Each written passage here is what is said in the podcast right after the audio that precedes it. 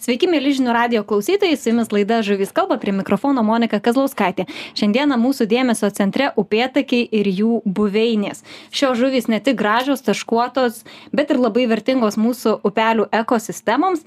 Tai labai be didelių ilgų įžangų noriu pristatyti šiandienos pašnekovą, užkėtėjusi margųjų upėtakių žvėją, buvusi ichtologą, meškeriotoją Kestą Plaušką. Sveikas, Kestai. Sveiki, gyvi. Taip, tai Kestai pradėkim gal nuo upelių. Kiek pas mus Lietuvoje yra tokių tipinių upelių, kurie tinkamos buveinės margėsiams upėtakiams? E, aš pats esu aplankęs ir, sakykime, galėčiau sakyti, kad ten galėtų būti upėtakai, neaišku, ne visuose sutikau, bet e, tikrai manau, kad e, tam tikrų metų laikų, nu, pavyzdžiui, pavasarį arba rudeninių e, migracijų metu galėtų ten būti upėtakai, tai buvo apie 200 tai virš dviejų šimtų e, bet aš manau pagal tai kokią aš informaciją dabar esu susirinkęs e, pagal a, pagal tai galėčiau sakyt kad tai būtų kažkur tarp trijų ir keturių šimtų upelių lietuvos mastu Tai visai nemažai kaip Visai tokiai nemažai. mažyčiai šaliai, ar ne? taip taip tai aš e, žmonės kartais neįsivaizduoja kokie tie upėtakiniai upeliai nes jie galvoja kad tai vis tiek nu žino tas didesnes upes merkys ten ar ar ar jūra kokia ar kažkas panašaus. Mano trumpiausias upėtakinis upelis kuris turi pavadinimą buvo keturių kilometrų ilgio. Ir jis buvo labai labai labai sėkmingas. Labai ten daug upėtakių buvo šiaip keturių kilometrų upelyje kur nu nieks ten neitų nieks jį nežiūrėtų. Tiesiog aš Tiesiog pamačiau rimtai nevertintų, ar ne? Jo, nes tiesiog tas upelis ten praktiškai srovelio šaltinis kažkoks tekantis, bet ten e, aš kaip žmogus, kuris mato, kur galėtų būti nerštavietės, matau, kad tai buvo tinkamos sąlygos, aš jį šiek tiek patirinėjau, atradau ten bebryną didelį ir ten buvo žuvies, nu žodžiu, buvo labai daug. Ten, mhm. ten, ten buvo labai sėkminga vieta, kol, kol kaimiečiai jos neišardė. Tai pačiam bebrinė tie didieji laimikiai Taip, visi taip, buvo, ar ne? taip. Ten buvo labai, ten buvo idealios sąlygos ir, ir tikiuosi mes apie bebrynus Taip, taip, pakalbėsime. dar aišku, ten- turim apie tai klausimų. Tai uh, kiek pačiam ichteologinės žinios padeda žuklėje, nes kaip jau užsiminiau pristatydama jūs, kad jūs uh, esat krimtęs ichteologijos mokslus. Nu taip ek ekologija tos ekologinės sąlygos tai iš esmės ir apsprendžia kodėl ten e, kodėl ten susidaro tokia populiacija kokia yra. Ir jeigu ten yra sėkmingos tinkamos ekologinės sąlygos ten iš jas galima įvardint ir ten galima surast tų upėtakių kurių aš ieškau. Nu, aš aš ieškau trofėjinių upėtakių aišku dabar gal jau nebe tiek bet e, anksčiau mano tikslas būdavo tie trofėjiniai e, tai ten tarp žvejų, taip sakykim, nuo 45 cm. Ir, ir tos sąlygos, jos labai, labai yra aiškios, e, labai lengvai e, randamos, pakankamai lengvai randamos netgi žemėlapį žiūrint iš, e, iš satelito, tiesiog stebint žemėlapius, lyginant, tikrinant.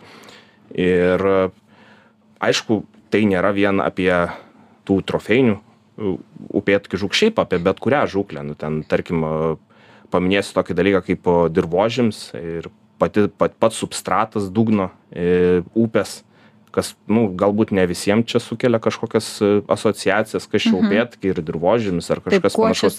Kuo čia galėtų jie susiję, bet, e, bet tarkim, nutinka dažnas dalykas, kai palyja, tarkim, kad ir tą pačią vasarą, palyja smarkiai, up, visos upės pakyla, susidrumšia, tarsi visos upės pakyla, bet žinant, koks yra dugno substratas, ko, kokios ten apskritai sąlygos, ar tai yra daug miško, daug pelkių, galima surasti tinkamas sąlygas, kur tu žvejoji, kai visi nežvejoja. Ir čia yra toks tikslas, kad visada žinot, kur pagauta upėtakį ir žinot, e, kokiuose ruožuose galima sugauti. Nes e, praktiškai visuose upeliuose galima surasti didelių upėtakių, tik tai metų laikas, e, kažkokios zonos, pačio upelio ir, ir daug tokių mažų niuansų, kur nesinorėtų visko atskleisti, nes e, natūralu, kad, kad visi čia, e, visi nori sugauti tą žuvį. Ir manau, kad e, smagiausia, kai patys supranta, patys išmoksta tas sąlygas atpažint ir, ir tuos ruožus, tas sąlygas atpažint, kad e, tą žuvį didelę surast. Taip, dabar e, margųjų upėtakių žūklės sezonas jau visiškai baigėsi. Mhm. E, Skaičiuoja paskutinės dienas, nuo spalio pirmos dienos yra jų žūklės sezon e, o, pabaiga, upėtakiai ruošiasi nerštui. Tai ta, šiek tiek noriu apie tai paklausti. Um, ar upėtakiai neršia kiekvienais metais? Taip, tai nėra tokia lašiša, kuri ten plaukia jūrą, jie gyvena visą laiką upelį, visą savo gyvenimą ir jie neršia kiekvienais metais. Ir, ir, ir, ir šiaip jie, ta prasme, subręsta pakankamai anksti ir, ir, ir Kiek metų jau tas lytinė branda jau jiem prasideda? Tai čia priklausomai, labai priklauso iš tikrųjų nuo, nuo, nuo pa, pačios e, žuvies, tarkim, lyties ar ne, tai patelės e, subręsta vėliau negu patinai, čia vienas toks aspektas, e, nuo žuvies augimo greičio, nes kuo greičiau auga, tuo, tuo anksčiau subręsta, nu, tarkim, jeigu tai yra labai gera e, maistinė bazė upiai, tai tos žuvys aišku greičiau paauga greičiau gali ir išsineršt. Tai tarkim jeigu tai yra kažkoks e, žemaitijos upelis kur kur aš sakau ten tokios nu skurdžiaus tokios sąlygos tai ten aišku tie upėtakiai daug vėliau e, subręsta nes nes jiem tikrai ten sunku augt lėt lėtas tas augimas ir ir o kodėl ten skurdžios sąlygos tiesiog taip susidarė natūraliai dėl to pačio e, tarkim dirvožemio ten daug molynų ten vanduo. Maisto trūksta? Ten, tai pirmiausia, tai vandens trūksta, nes mm, tiesiog mm. yra labai didelis e, kontrastas tarp sezonų. Tai pavasarį smarkiai pakyla, pakyla smarkiau negu, tarkim, aukštaitijos kažkur upeliuose. E, nu, aš minėdamas tos 200 upelių, upelių, tai turėčiau pasakyti, kad tai nu, per visą Lietuvą, nes aš ir, ir aplink Vilnių, aukštaityje, Dzukiją, Suvalkiją ir, ir, ir, Žemaitiją keliauju. Tai, tai žodžiu žemaitijoj tiesiog viskas nubėga labai greitai. Pakyla smarkiai nubėga ir po to vasarą viskas. Ir ten labai daug e, drenažo padaryta tai vadinas tas vanduo jisai neužsilaiko niekaip. O tarkim palyginus nu kokį žeimenos ar ne baseiną pasiimsim ar kokį merkio baseiną. Ten labai daug aišku yra ir kanalų ir kanalizuotų ruožų kas kas kas aišku pablogina tas sąlygas. Nu bet upėtakiai gyvena ir kanaluose tai čia nieko nieko nestebina bet e, ten yra daug pelkių ten yra miško. Miškas jisai kaip minėjau tai yra kempinė kuri sulaiko tą vandenį. Ežeras dar labiau ežerinės sistemos jos pačios stabiliausios yra nes tas ežeras jisai sukaupia vandenį ir jisai iš lėto atidavinėja. Dėl to ten labai dažnai ežerinėse sistemose būna labai daug didelių upėtakių nes tiesiog natūraliai tai yra vandens visada yra papildomo maisto nes mažos smulkios žuvys iš ežero migruoja į į upelį ir tie patys upėtakiai visiškai ne neretas dalykas. Labai dažnai jie ežere praleidžia kažkiek laiko. Margieji upėtakiai margieji upėtakiai kiaurai eina per ežerus. Kiaurai migruoja į aukštupius kai kurių nes yra tarkim upelis kuris kerta ežerą vėl išteka ir būna kiaurai per tą ežerą migruoja. Tarsi kaip koks nu šlakys kuris ten mhm. eina tiesiog iki galo. Tai čia irgi labai daug tos migracijos vyksta ir jie būdami ežere jie arba tvenkiny pavyzdžiui. Tvenkiny lygiai tas pats. Jeigu man tai yra toks green flagas, nu čia deitų, deitų tema vos ne pasakyta green flagas, red flag, tai green flagas yra tvenkinys, nors šiaip iš esmės jisai upelį labai daug pridaro blogo, bet tvenkinys yra ta vieta, kur upėtakis irgi gali praleisti pakankamai daug mhm. laiko. Ir... Aš dar noriu šiek tiek apie nerštą sugrįžti. Iš meškeriotojų dažnai girdžiu, kad jie nepagauna tų didelių vat nuo keturiasdešim penkių centimetrų Mhm. upėtakių kurie na tikrai stambūs reproduktoriai galėtų būti ar nėra taip kad pavyzdžiui neršia jau vis smulkesnės žuvys tai yra na tai jų lytinė branda šiek tiek ankstyvesnė pasidarė E, Aš nesu radęs jo- tokių faktų. E, Šiaip moksle, aišku, tas dalykas egzistuoja, kad, e, kad kada žuvis patiria labai daug presingo, kada jos yra išgaudomos, jos natūraliai pradeda, nu, tarkim, su menkėm Baltijos taip yra, kad, kad jos pradeda tiesiog labai anksti neršt.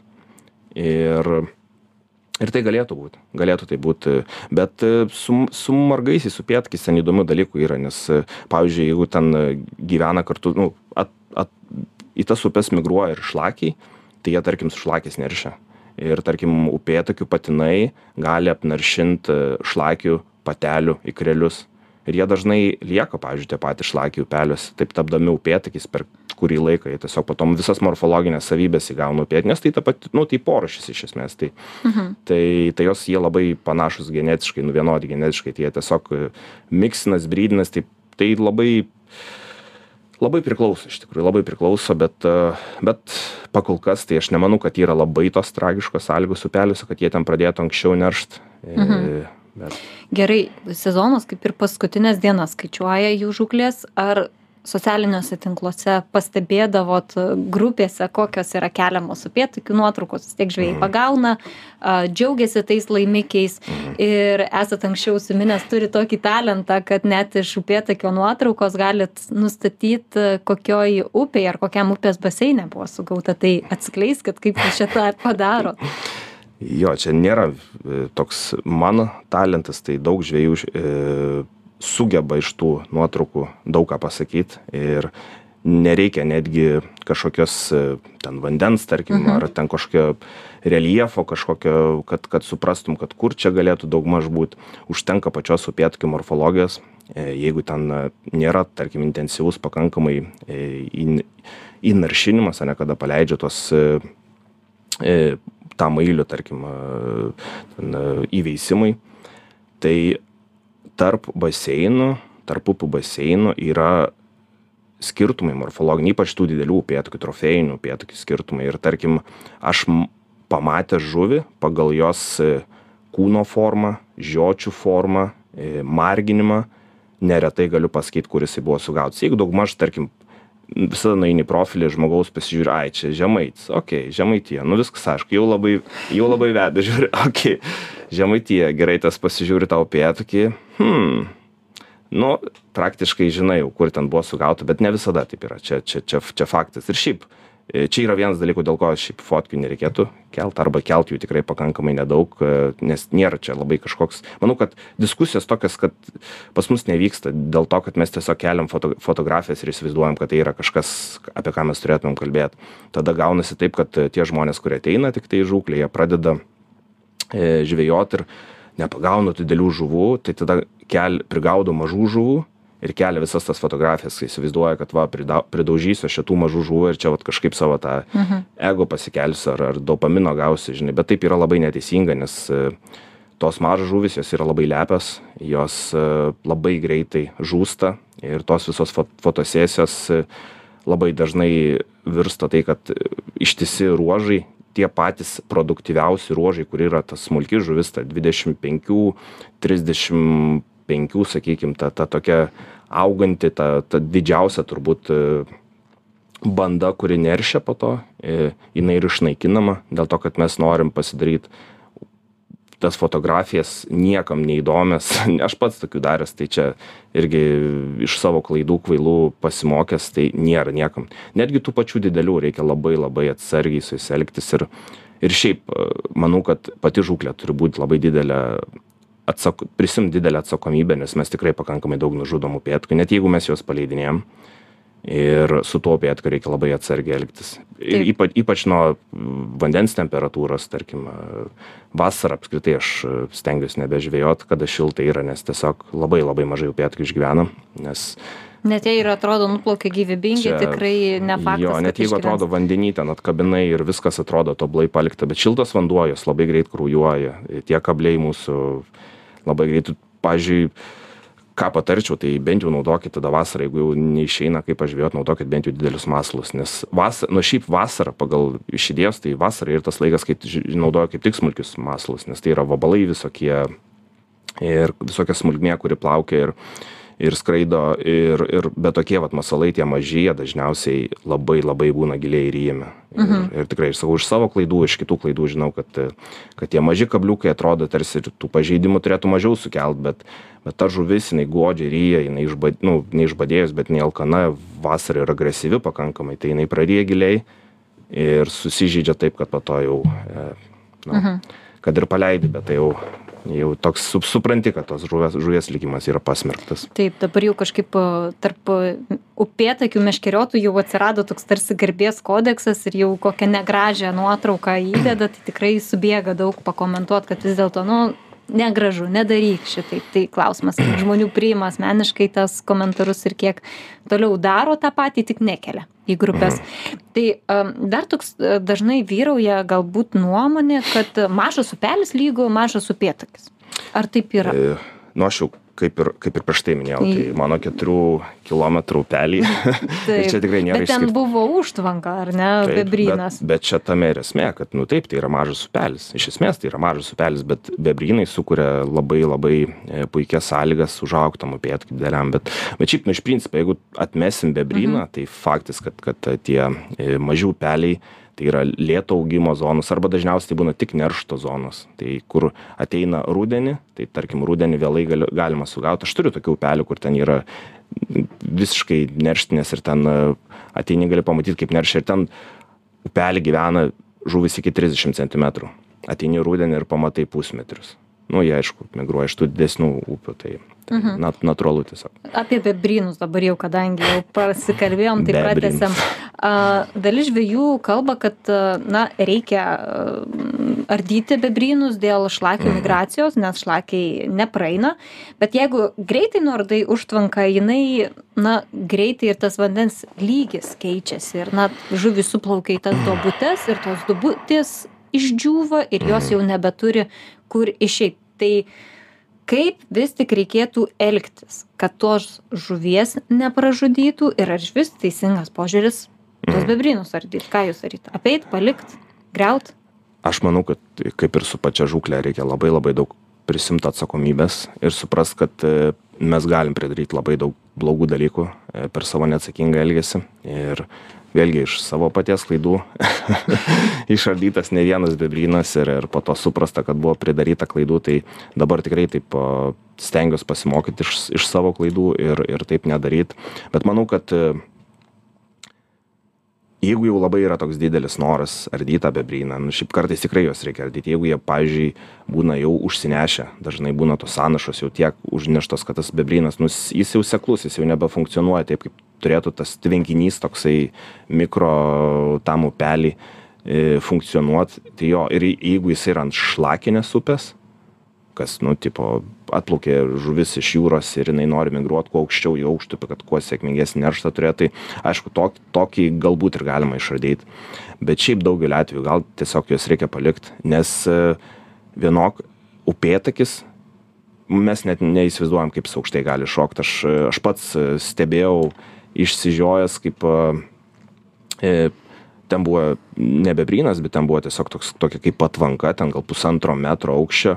Ir aš stebėjau, kaip upėtakis gal 30 kažkelių centimetrų jisai bando įsikabinti į tą pusantro metro ir jisai gana, gana aukštai, gana, man, to, man regis, kad jam galėjo ir pavykti vėliau, nes aš nemačiau, bet jisai praktiškai tokį aukštį įsibėgėjęs galėjo šokti. Mes nenuvertinkim jo, jisai praeis, jeigu jam reikės ir geriau tas bebrynas stovi, nes bebrynas yra taip galbūt žuvis nenumigruos viena kita, bet tas bebrynas, jisai funkcio, turi kitą funkciją.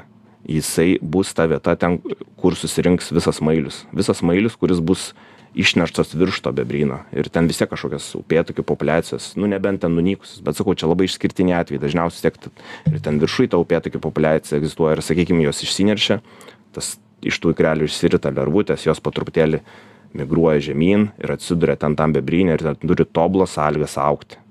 Aukti ir bręsti. Tai mhm. mes nugriaudami tą bebryną, tiesiog tas sąlygas panaikinam. Nu, sakau, aišku, vienas kitas, ant didelės upės galbūt, bet mažuose upeliuose tai tiesiog sugriaunam visą ekosistemą, kuri ten egzistavo. Taip, tai yra geros sąlygos mažom žuvytėms ar net plaukti bebrynę maitintis, bet turbūt ir dideliam upėtakiui gyventi Tai puikios sąlygos. Garantuotai. Tai kaip, at, pavyzdžiui, nusitaikyt, kuri geresnė vieta, jau kai vėl iš naujo prus e, jų žuklės sezonas, kur geriau ieškoti? Ar palei užtvankos tą ribą, ar per visą jau tą Je- užtvankos baseinėlį? jeigu taip žiūr, žiūrint į tą patį bebryną, tai ten, e, ten yra pakankamai sudėtinga sistema ir jinai, ir jinai funkcionuoja e, lygiai taip pat e, priklausomai, tarkim, nuo dienos ritmo netgi.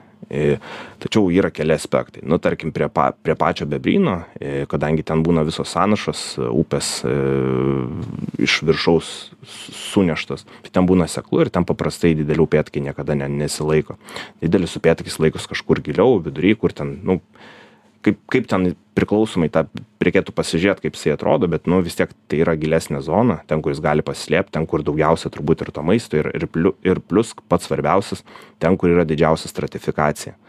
Ir mes e, gal taip, kas, kaip supras stratifikaciją, o kai kas čia, kaip, kaip, kaip tokiam mažam telkiny gali būt sutartis bet taip yra tiesiog kad šiltas vanduo tas kuris įšilęs jisai jis laikosi viršuj o tas vanduo kuris ateina iš šaltinių jisai laikosi apačioj. Dėl to upėtakis laikosi ten kur yra tas šviesiausias vanduo daugiausiai deguonies turintis vanduo. Tai jisai kažkur dažniausiai toj gelmėj kažkur ten tūno kuris gali geriausias sąlygas sugaut. Bet pavyzdžiui jeigu tai yra ankstyvas rytas kada šiaip vanduo jau būna pravėsęs tai tas upėtakis gali išeit maitintis o maitinimosi vietos būna ir patvankoj. Gali pavyzdžiui po mišką plaukiot ne nesu su esu žvejojęs miške kur medžiai tarp tų medžių mėtai įsibridęs irgi ten iki iki iki pilvo ir žvejoji tam miške. Puikiausiai ten kur galbūt grybai kažkada augo bet ten žvejojau upėtakis išsilieja, ar ne? jo tai, tai, tai įsivaizduokit ten tuose šonuose yra daugiausia ir, ir gyvybės nes tuose seklumose irgi ten ta prasme to var, varlės tarkim ane varlės pe, visokie kirstukai ir panašūs e, gyviai arba vabzdžių lervos kažkokios jos ten veisiasi ir, ir, ir ten yra upėtakio tokias, tokia pevelė, kuris ten maitinasi. Mhm, taip, dabar turim padaryti labai trumpą pertraukėlę, pasiklausysim žinių ir toliau pasikalbėsim apie margųjų upėtakių tokius pusiau pusbrolius, bet ir konkurentus vaivorykštinius upėtakius, kurių irgi kars nuo karto žvėjai atranda mūsų upeliuose. Tai niekur nepabėgit, bus dar tikrai labai įdomu. Likit su žinių radiju.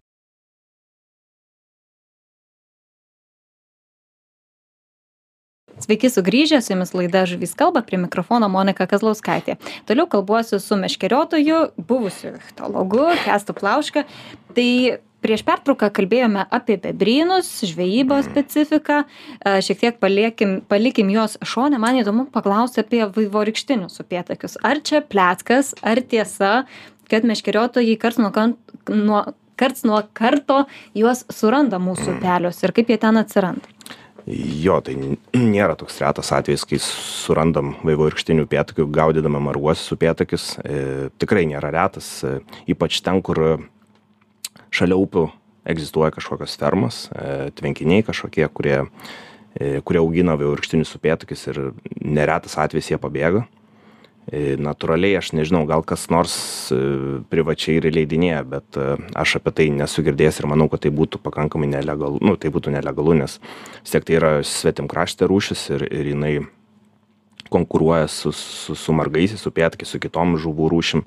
Bet esu legendinę žūklę turėjęs turbūt įsimi, vieną įsimintiniausių savo gyvenime, kai, kai su savo draugu Povilu Bekeriu ir noriu perduoti linkėjimus tuo pačiu up, upų velniams, savo, savo, savo, savo, savo hebrai, savo bičiuliam bendraminčiam. Tai su Povilu mes tiesiog atvažiavome į upelį ir pamatėm nuostabų vaizdą. E, žodžiu, kažkokiu būdu e, tos vietos nebe, nebeegzistuoja, tai jeigu iš karto, jeigu galvojat paėš surasti, nesurasti. Tai žodžiu, kažkokiu būdu iš, iš tvenkinio pakilo vanduo ir susilygino su tvenkiniu iš ten labai daug upėtokių, pa- ne vaivorykštinių upėtokių, palijų pabėgo. Ir įsivaizduokite, tai yra upėtakinis upelis, kanalas praktiškai, e, upeliukas toks nedidelis ir ten toks kiekis tų vaivorykštinių upėtokių, kad nu mum ten raibo akis.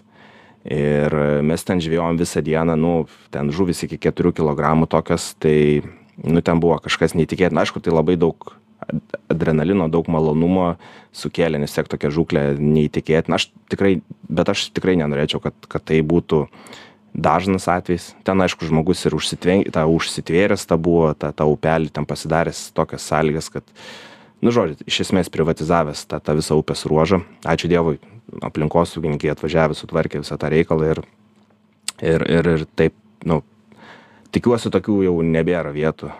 Nors šiaip žinau tokią dar vieną vietą. Kur reikėtų aplinkosaugininkam atvažiuoti, ar ne? taip, Bet taip. kestai iš esmės vat ir užsiminėt, kad tai pavojus yra margiesiams, upėtakiams, nes kartais atrodo, nu, kas Mm. čia tokio įsileisim žuvų, turėsim, smagiai pažvejosim. Nu jo, nu kaip, kaip šešupė išsiėmė.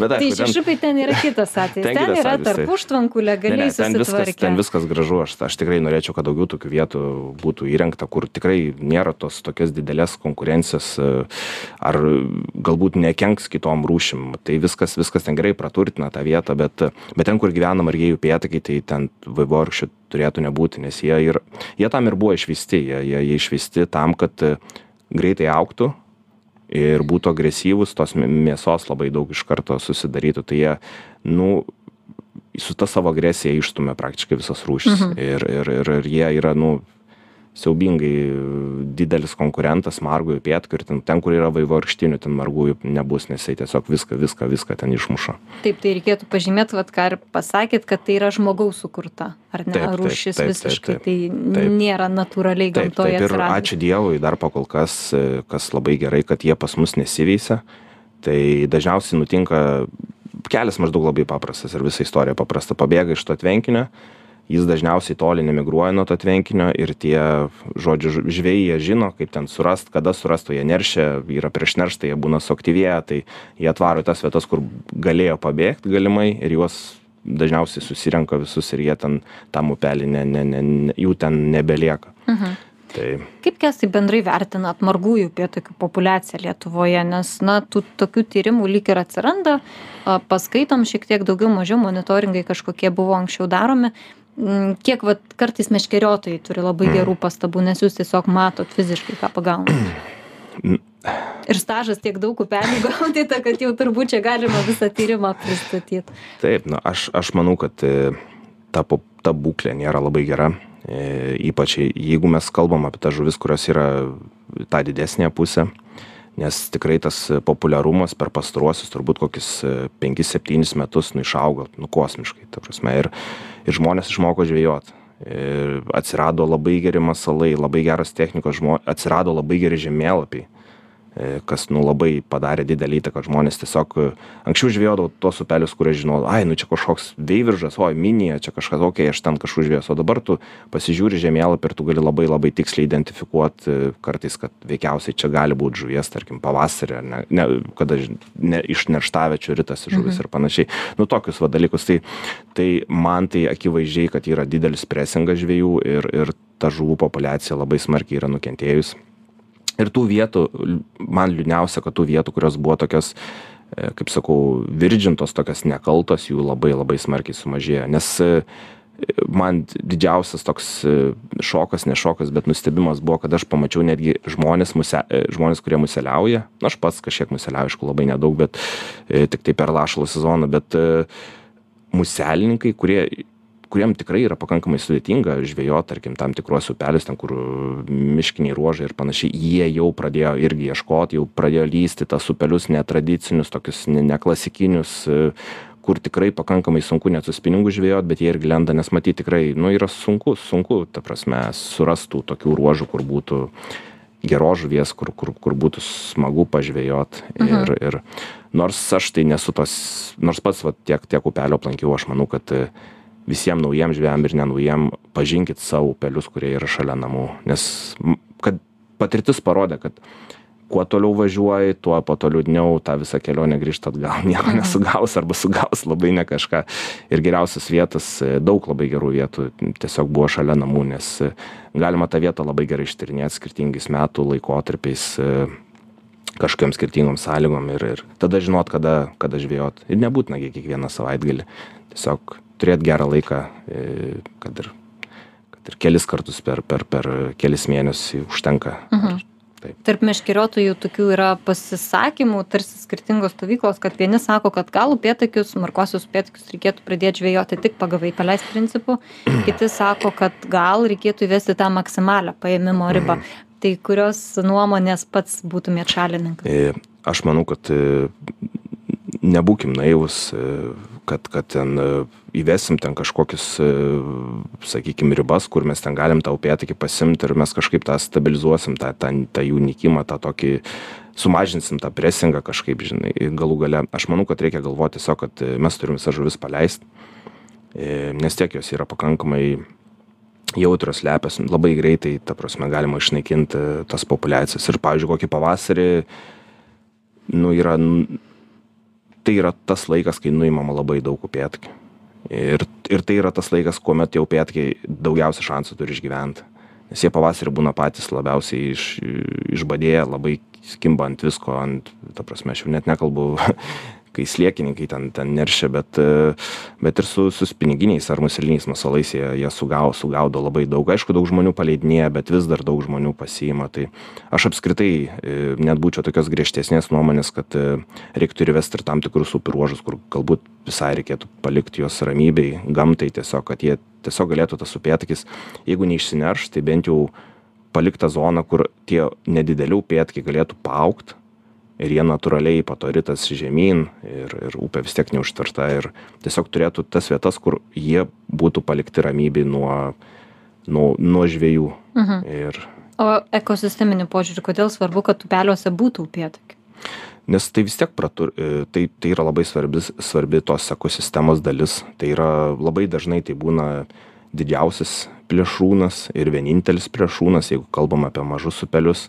Ir nu įsivaizduokit jisai e, nelieka tarkim mažam upely kažkokiam ten tarkim dešim penkiolikos kilometrų nelieka ten upėtakių ir nelieka tarkim apskritai plėšrūnų. Kas nutinka tai pirmiausia pati energijos pernaša visa sutrinka nes upėtakis jisai maitinasi ne tik vandens e, kažkokiais gyviais ar ne jisai gaudo ir vabzdžius gali didesnis upėtakis ir kažkokią pelę sugaut sugaut tai vadinas ta energija jinai yra paimama ne iš to iš ne tik iš vandens bet yra išlieka vandeny nes tas upėtakis nu po to jisai ir ir ir ir tuštinasi tą vandenį galų gale ta prasme ir tai irgi sukuria tam pakankamai nau naujos medžiagos. Jisai galų gale žūsta jo kūnas žūsta ta prasme irgi ta visa energija jinai išlieka vandens ekosistemoj dabar išimkim tą upėtakį tai vadinas mažos žuvys smulkios žuvys jos nebeturi kas jomis maitinasi ir tarkim vabzdžių lervos irgi nebeturi kas kas kas jas ėda nu tai mes pažeidžiam iš esmės visą ekosistemą natūralią Mhm. Apie sliekininkus šiek tiek užsiminėt, tai a, ką jiem norėtumėt perduot, jeigu dabar klauso nors vienas sliekininkas, a, ką apskritai jie padaro mūsų upeliams ir, na, kaip tas upelis jau šiek tiek užsiminėt, kaip, kaip keičiasi, jeigu namo nešamas kiekvienas upėtakis. E, aišku labai skirtingų tų sliekininkų būna ir teko įvairių pamatyt dat įvairių nuvyt nuo upės e, nuo tų tokių e, alkoholikėlių kurie kuriem tiesiog turbūt nesvarbu iki tokių kurie atvažiuoja su prabangiais automobiliais išsitraukia tikrai pakankamai nepigias plūdines meškeres. Nu šitie man šitie šitie man labiausiai labiausiai stebina aš nesuprantu kas kas žmonėms galvose negerai bet bet jie nesupranta kad tai yra kad jie yra sušikti savanaudžiai pirmiausia nes nes tai yra vis tiek didelis savanaudiškumas nes jie gali tiesiog tą upelį sunaikint labai labai paprastai sunaikina tiesiog upelį. Nes viena ir vie užtenka vieno žmogaus. Aš aš galiu turiu labai konkretų pavyzdį. E, nu tas žmogus giminaitis nesididžiuoju bet nu yra kaip yra tai jisai tiesiog vienam žemaitijos žinomo labai upelio aukštupy gyveno dabar nebežvejoja bet anksčiau labai intensyviai žvejodavo tai nu tai įsivaizduokit jeigu jis ten sugauna per sezoną su tuo slieku pavasarį kada ten tikrai tos žuvies yra pakankamai daug nes tai aukštupys nerštavietės jis sugaudavo ten nu šimtais turbūt tų upėtakių ir jisai vienas galėjo visą populiaciją didelės upės ruožo ar net visos upės ruože jisai ją daryt įtaką tai visai populiacijai nu ir kas iš to? Nu gerai jisai pavalgė bet nu kiek tos mėsos iš to upėtakio nu ten juokinga ta prasme ir ar ten ar verta ar vert ar verta dėl tos dėl to mažo mėsgalio ta prasme visą upės ekosistemą žalot? Nu aš nežinau nu čia ta prasme jeigu žmogus tikrai Čia turbūt tie, kurie negalvoja apie tos dalykus, apie kuriuos Nu, jūs tai galvojat ir yra žmonių, kurie yra elektriniais įrankiais dar vis dar praeina pro mūsų upelius. Aišku, ką sako gamtosaugininkai, kad to mastas mažėja, daug dievė, kad taip ir yra. Mm. Ir pabaigai aš dar gavau vieną meškeriotojo klausimą, tai meškeriotas meškeriotojo klausia, e, čia tiesiog vat, pabaigai. Mhm. E, Kaip pagauti upėtakį pavasarį, kol dar iš tiesų šalta? Atrodo, upėtakis mėgsta šaltą vandenį, bet tas ankstyvas pavasaris. tiesiog e, manau kad e, reikia pagalvot kad e, upėtakis tada elgiasi visiškai kitaip negu tuo aktyviu laikotarpiu kad kada tuo kada būna sušilęs vanduo jisai aktyvus jisai išeina iš savo slėptuvės ir panašiai ir rinktis tą ruožą kuriame tikrai žinai kad yra upėtakių ir tiesiog ten dirbt kaip ant šlakio. O ant šlakio darbas yra toksai kad žinai vietą žinai kur ten jie galėtų atsistot ir tiesiog zulini zulini zulini ir aišku zulinimas vyksta dideliais masalais nes tokia žuvis e, kuri taupo energiją nes nu vis tiek tai ir šalta ir po neršto labai smarkiai e, tas energijos badas e, didelis tai didelis masalas tai arba nu tarkim ta didelė ar ne žuvytė kažkokia jį gali iššaukt atakuot tai tiesiog didelis masalas ryškus aišku masalas nes dažnai būna ta ta agresija vis dar ta ponerštinė tokia egzistuojant kur kur jis reaguoja kaip į kažkokį konkurentą arba kažką kas kas į jo tarkim teritoriją įsiveržia ar ar galbūt ten ikrelius nors galbūt ten tų ikrelių jis ir ne veikiausiai net nesaugo bet tiesiog jam tokia o įsiveržia kažkoks ryškus didelis daiktas ir ir tiesiog dirbt dirbt tose vietose kur galėtų.